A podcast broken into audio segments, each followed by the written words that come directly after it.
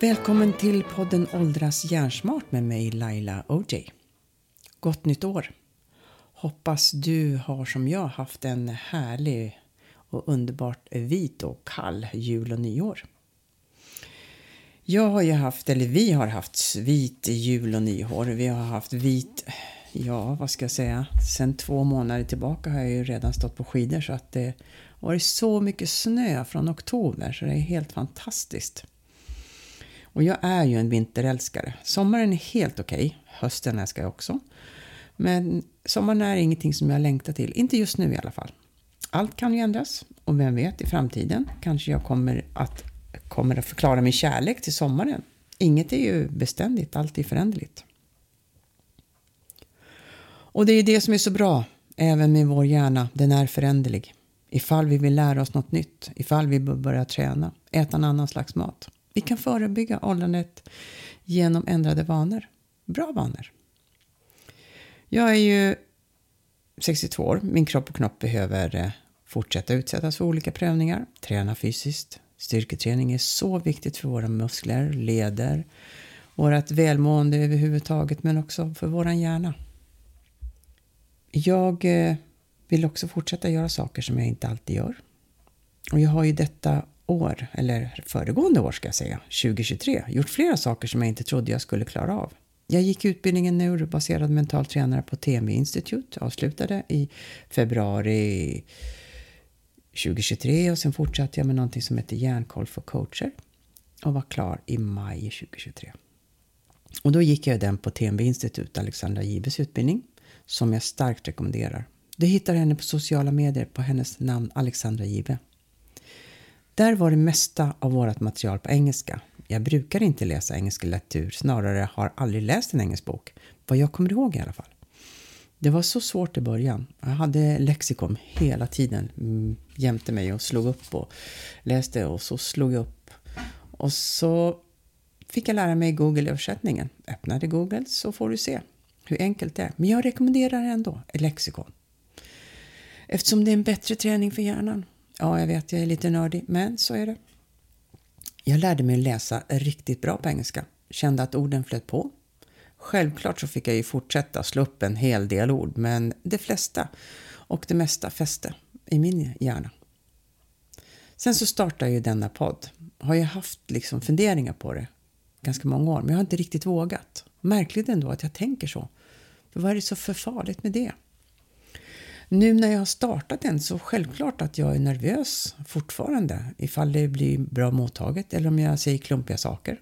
Men hittills har det ju funkat mer än bara okej. Okay. Jag är faktiskt riktigt stolt över mig själv. Och hade jag inte fått hjälpen av fantastiska Max Östlund med alla teknikaliteter så hade det tagit mycket längre tid för mig att starta den.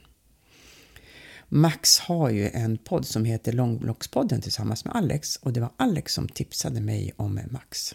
Så tycker om skidor, långlopp, längd. Cykling också. Så lyssna på podden Långloppspodden. Och de är så bra. Och återigen tack Max, igen för allt arbete som du gör för mig. Och tack till alla fantastiska gäster som har varit med i min podd. Allt från Ann-Marie Schröder, tangodansaren, till Mattias Garhed, Mind Expand, mina grymma kollegor från TMB, Christer Olsson, Nathalie Messinsino och även mm, Soraya, Nicole Soraya. Och sen nu sist hade jag ju också med eh, Maria Johansson när vi pratade om barn med särskilda behov. Jag hoppas verkligen att ni vill vara med, fortsatt vara med i, framöver i min podd. Det hade varit otroligt trevligt tycker jag. I ett av mina klientsamtal denna veckan så berättade klienten att när han lyssnade på ett av avsnitten på min kollega Emma-Sofie, hennes företag hittade på Instagram, mindjoy.se, där hon berättade att hon vågat ta steget från jurist och så blev hon utmattad och därifrån till, läste hon till, till mental tränare, alltså Emma-Sofie. Det gav min klient styrka att börja tänka om. Även om klienten redan hade fått en del verktyg så var det just det som gjorde att det klickade för klienten.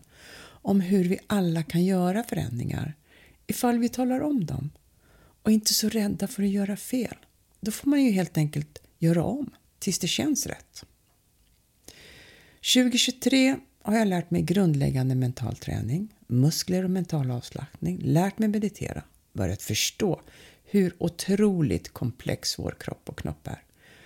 Jag bara, bara, bara verkligen... vad heter det? Det heter att man eh, har bara tagit lite grann på ytan. Så det är så, så, så mycket mer kvar att lära. Jag har även fått erfarenhet om hur det onda kan bli ilska och lite varför. Som när jag cyklade omkull och fick så makalöst ont. Att känslor är ingenting vi kan eller ska negligera. Alla har inte alls lätt att tala om dem. En del har otroligt lätt för det, men det kan också bli så fel ändå för att vi misstolkar varandra.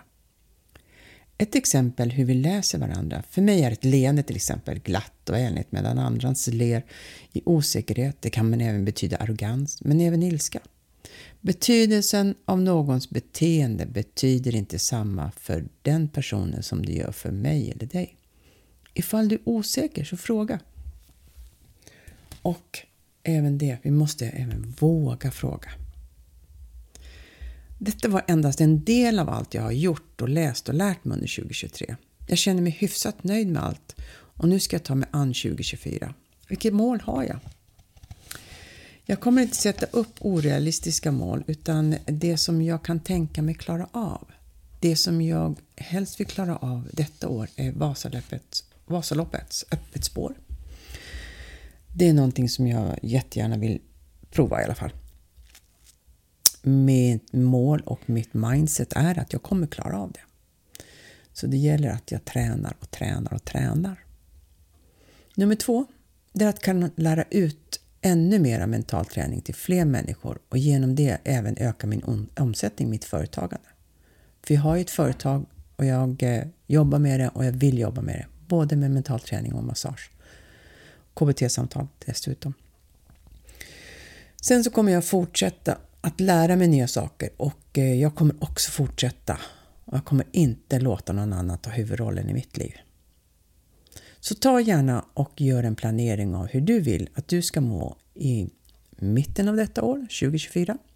Minska ner det till ett kvartal. Sen göra till månad och vidare till en vecka. Det är en superbra början genom att göra ett schema. Så fortsätt att göra din dag till den bästa hittills. Stor kram och tack för att du lyssnar.